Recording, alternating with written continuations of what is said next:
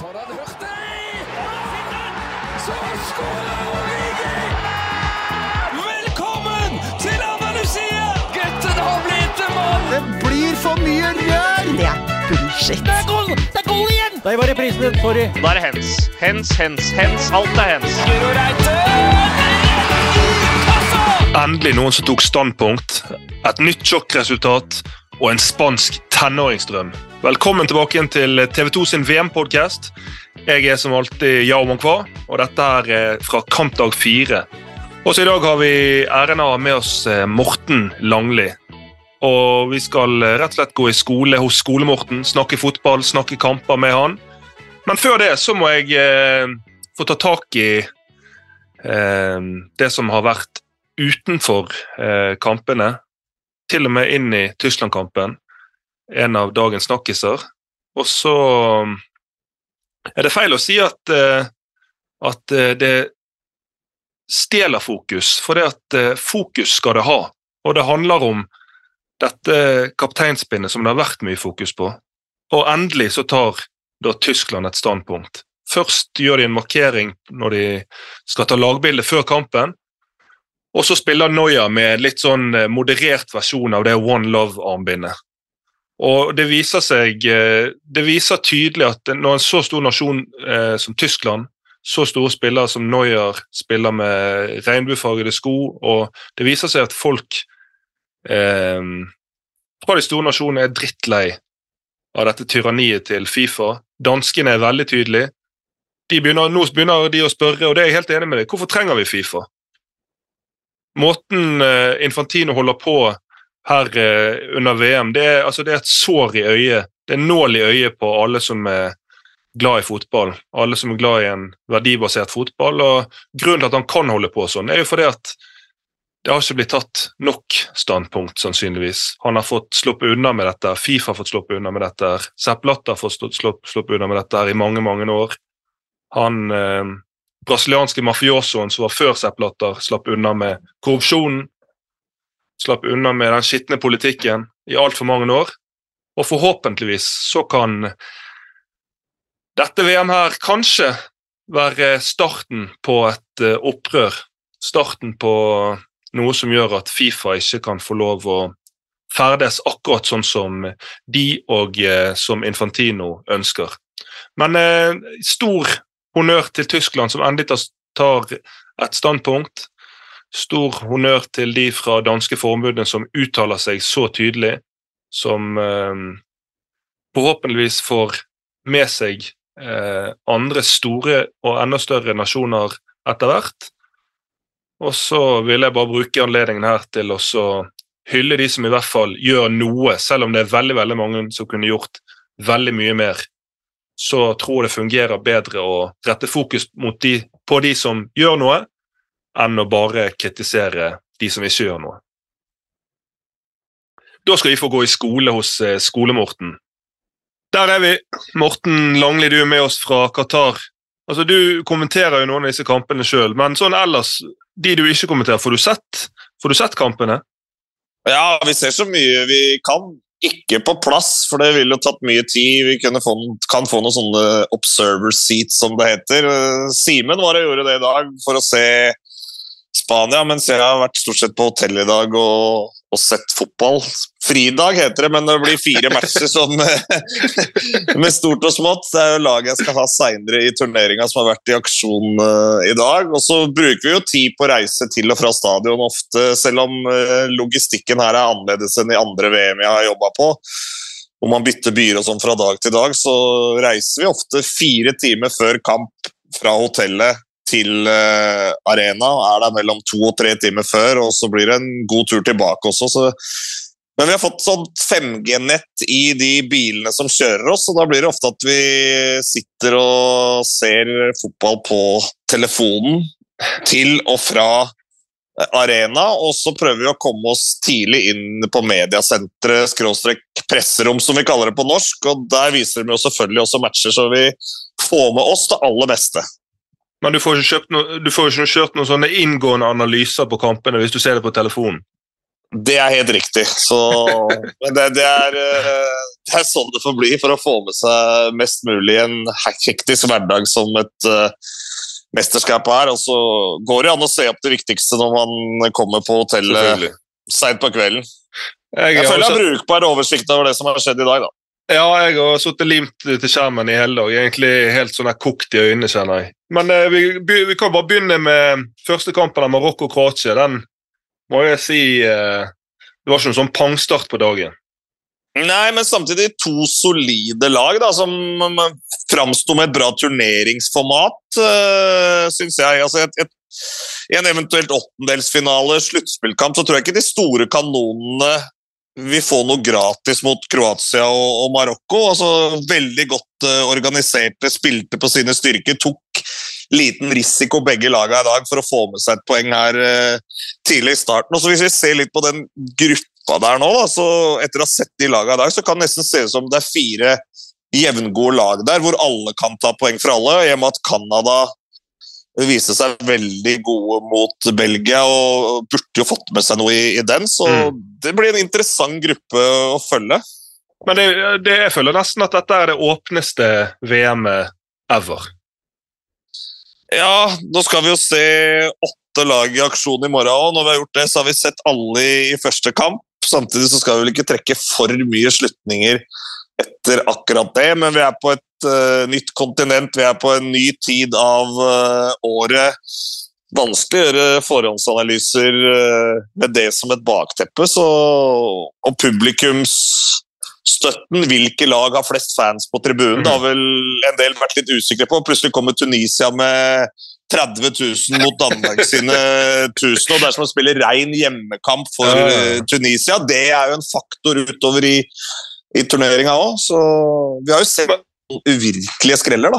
Men ja, Apropos forhåndsanalyse, at det er vanskelig, så får vi Tyskland-Japan. Tyskland går jo opp der på straffen til Gundogan, og så tenker man at det kommer til å gå rimelig greit for dem. Og så slår Japan tilbake igjen og ender eh, med å, å vinne kampen. Det er jo VMs kanskje andre store sjokk.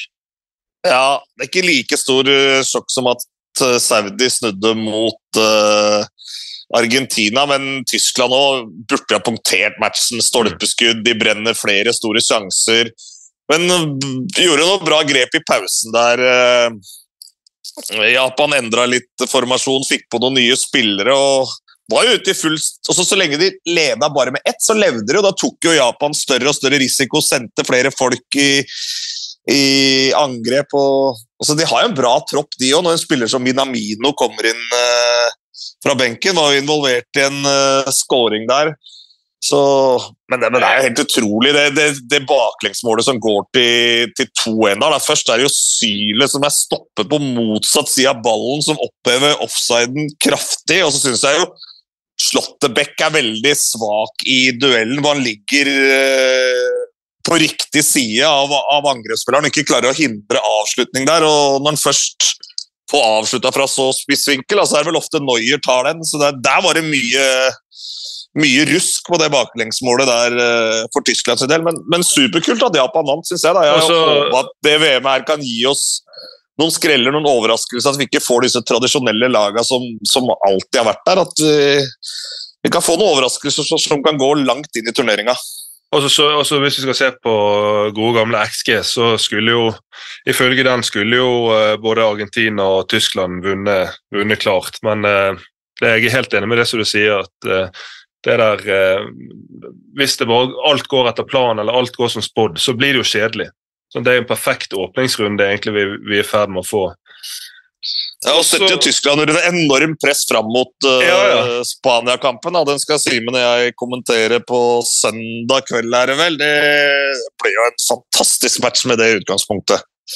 Tenk om de kommer under tidligere. Og, altså, det blir jo egentlig De har jo sett veldig bra ut lenge, Tyskland, eh, under Hansi Flick, men altså, en tidlig exit uh, ville jo vært drepen for uh, det prosjektet hans. Ja, som i forrige som i forrige VM. Så nei, de lever farlig nå. Og for Spania synes jeg så bra ut. Greit nok, motstanden var Costa Rica, men 7-0, og måten de tak i kampen i, i fra start der Jeg syns det så lekent ut. Jeg syns det var uh, enorm kvalitet på pasningsspillet, god bevegelse, og det var, et, det var bevegelser med betydning. Det var positive bevegelser, det var gjennombruddskraft. Ofte har jo Spania Tiki Taka blitt litt brukt mot dem at de spiller kjedelige kamper, prioriterer possession, ikke går framover, men, men her dette var effektiv fotball, selv om det var mange pasninger og det var vakkert å, å, se på. Den brøyt gjennom ledd gang på gang, kanskje fordi Costa Rica forsvarte seg veldig dårlig og ikke har kjappe nok spillere, gode nok eh, folk på banen, men uansett det Spania leverte, syns jeg var lovende. Ja, Gary Neville var jo ute før kampen og stilte spørsmålstegn med hvor målene til Spania skulle komme fra. Fikk jo tydelig tilsvar der. Ja, jeg syns, det var en imponerende forestilling. Og den bredden du har i frontleddet der Du kan kanskje si at uh, det ikke er de største målskårerne som spiller der framme, men samtidig så kan du bytte ut alle tre og, og fortsatt ha et slagkraftig lag. Du hadde vel Hans Sufati som kom inn i dag. Du hadde Morata som kom inn. Du hadde unge Williams fra Atletic. Der er det masse krydder og, og spennende ferdigheter. Og den midtbanen den spiller jo av seg sjøl, med Busquets, Gavi og, og, Pedri. De finner hverandre i, i blinde. Så, men så syns jeg det er interessant med Rodri ned på stoppeplass, som han har spilt noen ganger i City òg. Du får jo noen ekstreme egenskaper der i frispillingsfasen, i og med at han er jo blant de beste sentrale midtbanespillere i verden på et lag som hele tida har possession i, i City. Men hvordan blir det når motstanden blir Tyskland og eventuelt Spania blir angripet hardere? Klarer han mm. da å løse det forsvarsmessig i, sammen med Laporte? For det, eller kommer han til å bytte ut inn en annen stopper der, da? Sammen med Laporte når motstanden blir tøffere. Men, men kanskje Rodry er bedre enn Erik Garcia uansett? Jeg vet ikke. Ja, det er jo det. Jeg er veldig spent på det samme. Det fungerte jo helt utmerket i dag. Og så er det jo selvfølgelig spennende å se når han blir utfordret mer defensivt. Men samtidig, for, kunne, for at motstander skal kunne utfordre mer defensivt, så må de ha ballen. Og mot det spanske ja. laget sånn som det ser ut i dag, så blir det jo ikke så mye av det på motstander. Nei, og de har jo fått gjennom dette generasjonsskiftet sitt uh, nesten 100% av Busquets. Greit, han er der fortsatt, og så lenge kampbildet ser ut som i dag, så er han utrolig god. Og så holder jo Bekka koken fortsatt. Da spiller Cueta og Jordi Alba, selv om de begynner å få retrine. Men så har jo yngre krefter, da, spesielt Gavi og Pedri. og så er en nytelse å se de spille for en energi, for et repertoar. og sånn. Den viljen Du ser at dette betyr noe for dem. De syns det er utrolig gøy å spille fotball. Mm. Og, men, og Ferran Torres har jo en enorm, enorm statistikk på på landslaget med 14 mål på 37 kamper, så han ser faktisk ut til å fungere bedre der enn han har, har gjort i klubblagene sine, både i City og i Barcelona så langt. Han fungerer bedre under svigerfar på landslaget. Ja, ja, ja, ja det, er, det, er, det, er, kanskje noe der. Men eh, siste på altså Det skal jo sies at Costa Rica var, var, svake, og det var flere av eh, de spanske spillerne som var borte og trøstet Keilo Navas etter det ydmykende 7-0-tapet. Men eh, siste på de to eh, ungguttene der med Pedri og Gavi på midten her. Eh, det jeg lurer på, du som ser mye La Liga, hvordan kan mm. så unge spillere, født i 02, født i 04, ha så mye fotballforståelse trykt inn i hodet i en så ung alder? Altså, De spiller jo som prime Xavi og Iniesta. Ja, men de har vel vært i systemet der lenge, begge to. da. Så De er mer eller mindre indoktrinert i det bevegelsesmønsteret. Spiller sammen på klubblaget. Jeg husker nå Busquets kom også hadde bekledd uh, ankerrollen på yngre lag i, i Barca. Så på B-laget under Pep, og mange var overraska når Pep kjørte den rett opp på A-laget. der, var noe av det første han gjorde, og han sklir inn. altså, De er utrolig fotballkloke, har forståelse. ja, Den sa vi Nesta-sammenligninga den kommer til å bli dratt tidligere. Selv om jeg syns kanskje Pedri ligner Hvem mener du han ligner mest på? Iniesta eller Savi? Jeg syns, eh, jeg syns han ligner mest på Iniesta. Ja, det er jeg enig i, men Gavi syns jeg ikke ligner så mye på, nei, på Saber. Han, han, han, han, er mer vill, han er litt mer sånn uvøren. mer sånn taklingsspiller, mer uh, full av faenskap, enn det er lov ja, å si. Litt sånn, litt sånn villere, men han er jo så ung at han kan jo utvikle seg til å bli en mer Savi-type etter hvert. Men uh, for noen gutter, det har vært herlig å følge dem i, i Barca opp vei gjennom der. og er bra feeling av, av Luis Henrico da, og setter dem inn når han mener dem er, eh, er gode nok. Hadde jo knapt spilt for Basha Gavi før han fikk sjansen på landslaget og bare steppa opp med en gang. Mm. Men eh, Har du sett noen av disse Twitch-streamene til Enrique? Nei, det har jeg ikke. Jeg er ikke så god på eh, sånn ulike TikTok og alt mulig. jeg vet du. Nei, egentlig ikke jeg heller. Jeg har bare fått med meg at han har den streamen. så jeg må sette meg inn i... Det er jo ekstraordinært med en trener som underveis i et VM har en egen stream utenfor all media. Egentlig litt fint å få direkte tilgang til hans tanker. og Ja. Dagens siste var jo nå Belgia-Canada. Belgia Ja. vinner, men det er jo sinnssykt ufortjent. Ja, det er det. Den første gangen til Canada, den var, var god. Bevegelig lag, enorm fart på topp. Eh, tok stor risiko. Burde ha fått eh, betalt. Dårlig straffe fra Alfonso Davies. Par dommeravgjørelser imot deg. Så når du står fra 11 meter og Courtois står i mål, da må du kline til. altså. Svære mannen står der. Altså, da kan du ikke prøve på en breisidepasning. Det Altså, det er 50 sjanse for at du scorer, da, for han, han redder jo det skuddet der veldig ofte. Så du må jo skyte opp og hardt, eller helt bort i kroken. Men du trenger ikke være Courtois for å redde den straffen der, for han var pill råtten. Nei, nei. Men han, han viser jo hvilken fotballspiller han er, Alfonso Davies. Jeg husker jeg så han kom på de første gangene i Champions League for Bayern, der, så tenkte jeg wow. Mm. Det er en forsvarsspiller som løper som Thierry Henry. Altså, det steget der, det, altså, det er helt Ja, det er helt ekstremt. sykt. Det er Det helt er, det, er sykt. vak det er vakkert å se han løpe uten ball, så når han løper opp folk eller kommer på en overlap eller noe sånt, men vi ser Så også at han har eh, et repertoar med ball. dragningen der Tilemann havnet på Røy? Ja, ja, ja. Han. Og så er det jo så kjapp. Han kan kjøre den der eldste finta i boka. Bare sparke ballen forbi og gå, gå på løp. At han ikke trenger å, å, å drible. Det er ufortjent at Belgia vant den, altså. Han har jo en kulere rolle på, på landslaget enn en i Bayern. Altså, han har en ganske fri rolle i Bayern òg, men på, på Canada er det jo helt fri rolle. Ja, jeg så det. Dekker hele venstresida der, og så plutselig mm. nede i forsvar, og så plutselig ligger han jo helt og er gjennombruddsspiller på topp òg. Men det er ikke sånn som når vi ser Kevin De Bruyne, han glimter jo til innimellom i dag òg, men det er litt sånn påminnelse på at selv de aller beste er avhengig av å ha at, ting, at laget funker. Eh, Ja, det er sånn og- fascinerende å se så gode spillere at selv de kan se ganske ordinære ut når, uh, når laget ikke fungerer. Ja, jeg sitter og tenker, Når jeg har sett Norge, så tenker jeg at uh, Erling Breit Haaland savner De Bruyne. Og så som De Bruyne savna vår mann i dag. Det er jo litt sånn allboys-preg over over det belgiske laget der. da. Selvfølgelig Aldeweireld og Fertongen glimrende stopper i oppspillsfasen. og Når de får spillet foran seg, sånn som de kan stå på slutten der på egen femmeter, stange ut legg osv. Men når de fikk disse løpsduellene med nesa mot eget mål mot uh, David og de, Buchanan og de andre gutta der som virkelig kunne flytte beina, så sliter dem. Eden Hazard, ok, kapteinspinnet. Touchet sitter av og til, men Nei, det, det, er stykke, det er et stykke unna den verdensklassespilleren vi veit han kan være. Mm. Tielemanns og Witzel. Solid duo sentralt på midten, men så ut som sleit litt med å flytte beina i dag, de òg. Så Men nå har de kommet i gang, kommer kanskje til å se bedre ut senere i turneringa. Men, men Belgia for meg er ikke noe opplagt kandidat å gå langt.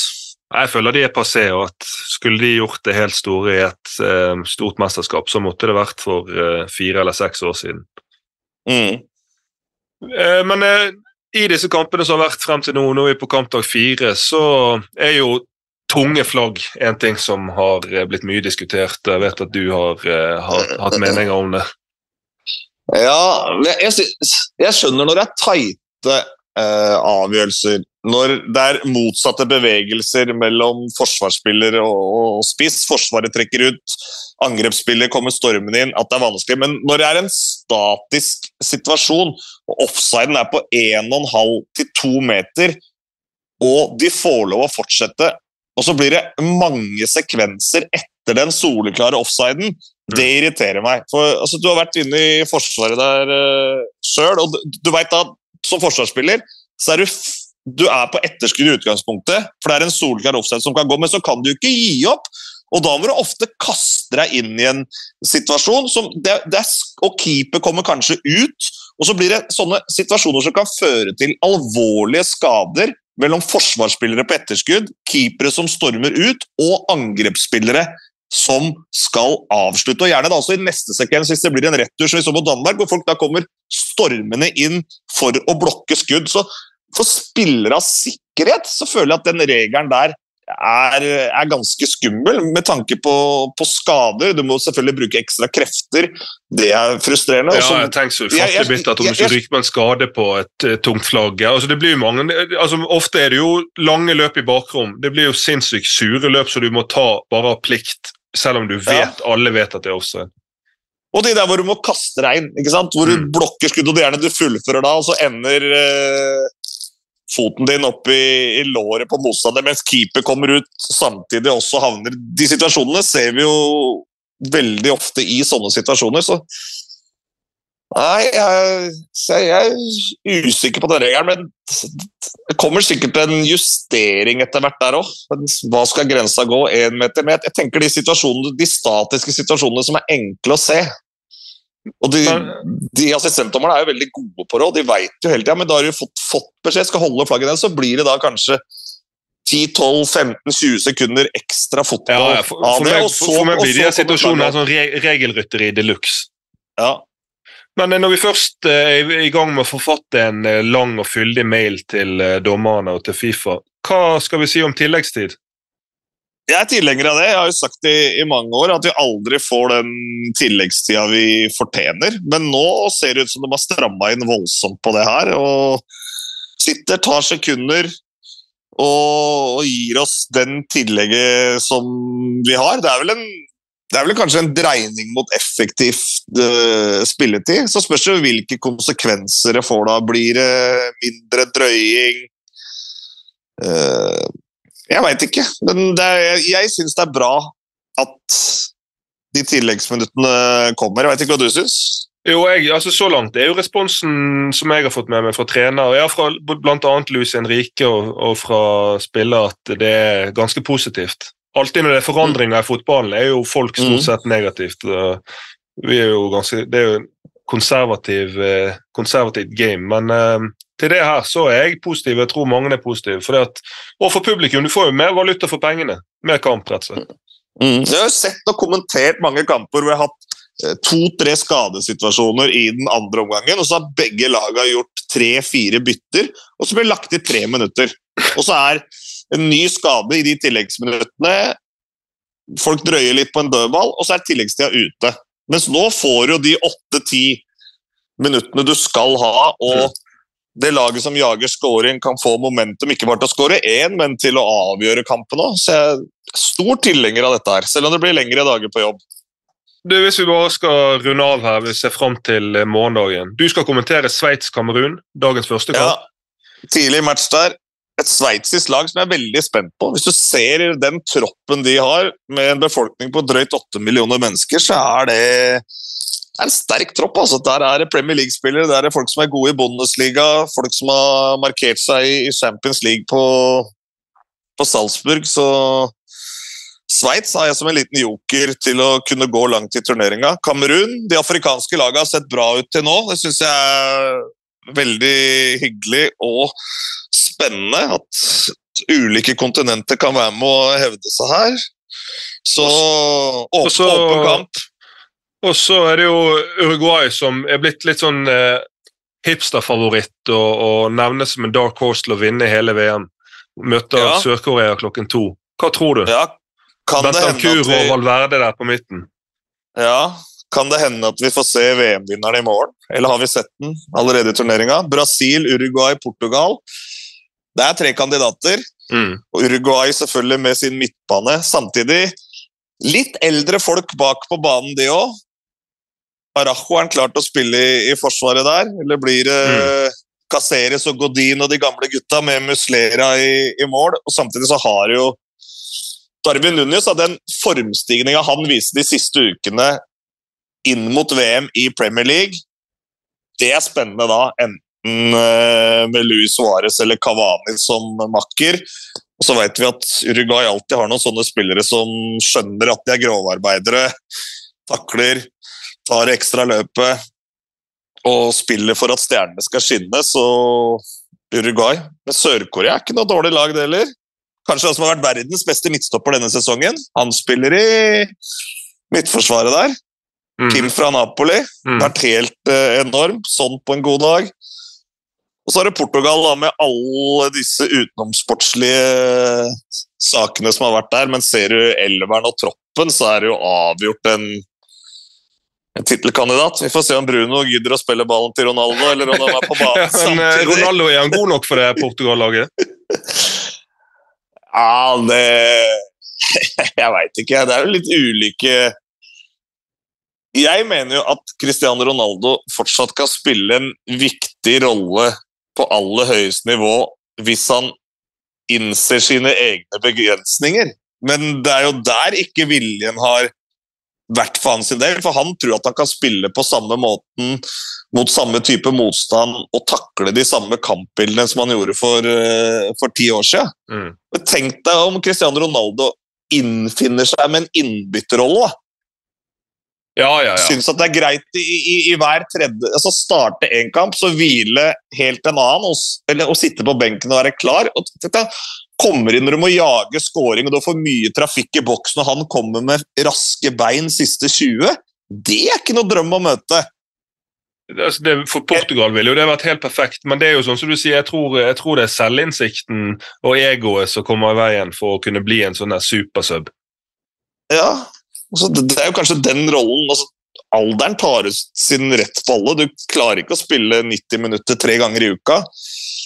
En sånn turnering nå for han også, men uh... Og så er det jo mitt, mot mitt andre hjemland, Ghana. VM sin Ja. yngste, yngste tropp og, og faktisk lavest uh, Fifa-renkede lag i hele VM. Så for en gangs skyld så er jo forventningene på bånn hjemme i, i Ghana. Ja, hva tror du? Nei, jeg tror det, jeg tror det blir for eh, tynt, dessverre. Jeg tror det blir for ungt og for tynt. Uh, uh, Ja, Mange mente jo Tunisia skulle være helt sjanseløse og hadde flaksa seg til VM, og det var ikke måte på hvor dårlig de skulle være, men kom jo veldig godt uh, fra den første kampen mot Danmark. Ja, men Ghana har hatt ekstremt store utskiftninger hele veien nå i sånn to-tre år. De var jo katastrofe i Afrikamesterskapet i januar. Tror de, de, de kom sist i gruppen med ett poeng. og Ja. de, får, de finner liksom ikke helt ut av det. Og, og de sånn André, André Ayu jobber jo steinhardt, men det blir lite målpoeng, så det er litt Men jeg, jeg er veldig spent på å se.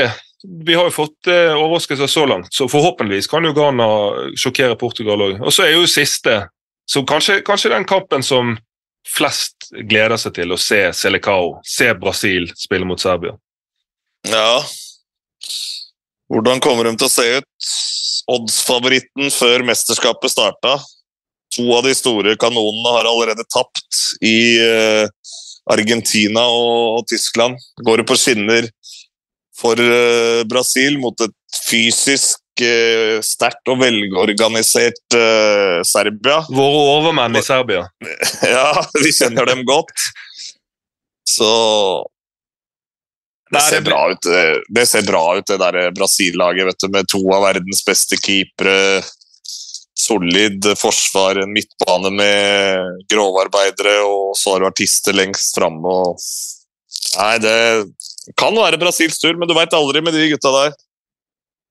Det, det, det. Og så det ryktes jo at Neymar har tatt seg noe nå inn mot VM i forhold til uh, trening, festing, fokus. Så jeg er veldig spent på å se hva utgave han kommer i. På sitt aller beste er jo han eh, kriminelt, kriminelt god, men uh, jeg gleder meg. Jeg òg. Det blir bra, det blir bra dette. Torsdagen er det TV 2 sin VMs beste duell. Da er det Zinedine Zidane mot Fabio Cannavaro.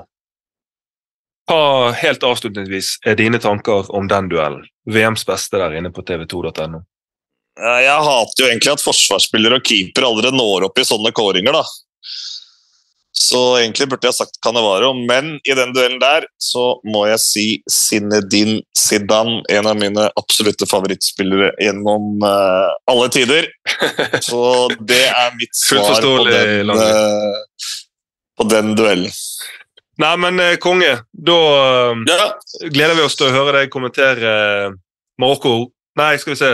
Du hadde Sveits-Kamerun i morgen. Sveits-Kamerun i morgen, så blir det godbiter på løpende bånd her hver, hver eh, eneste dag. Det gjelder bare å holde på stemmen her, for det er enormt med aircondition overalt. Og du, din verste fiende er jo trekk. Yes, så jeg kjører på, ligger i ullgenser og sover. Jeg har lue, jeg har bøff. Men det er faktisk mange som sitter med bøff og lue inne i presserommet, sånn, for der er det grisekaldt. Og rundt omkring på stadion er det jo altså med De som jobber helt nede ved gresset, de pressefolka, de teknikerne våre der, Torbjørn Peders osv., de melder at det er 14-15 grader og helt sånn iskald inn, så de står jo med boblejakker. Men lengst opp på tribunen der vi sitter, der er det ikke så ille. Men jeg har ikke Vi har ikke tid til å miste stemmen her nå, altså, Nei, det er klart. nå skal jeg Det er det som gjelder i mesterskapet, å holde seg frisk. Ja, klokka er halv ett her nå, vet du. Det Ja, ligger to timer foran dere. Nei, men Da må du sove godt, Langli. Takk skal du ha. Jo, takk for det. Hei, hei. Ha det. Snakkes. Hei. Så skåler Origi! Velkommen til Andalusia! Gutten har blitt en mann! Det blir for mye rør! Det er bullshit. Det er goal! Det er goal igjen! Der var reprisen din. Sorry. Da er det hens. Hens, hens, hens. Alt er hens. Guro Reite!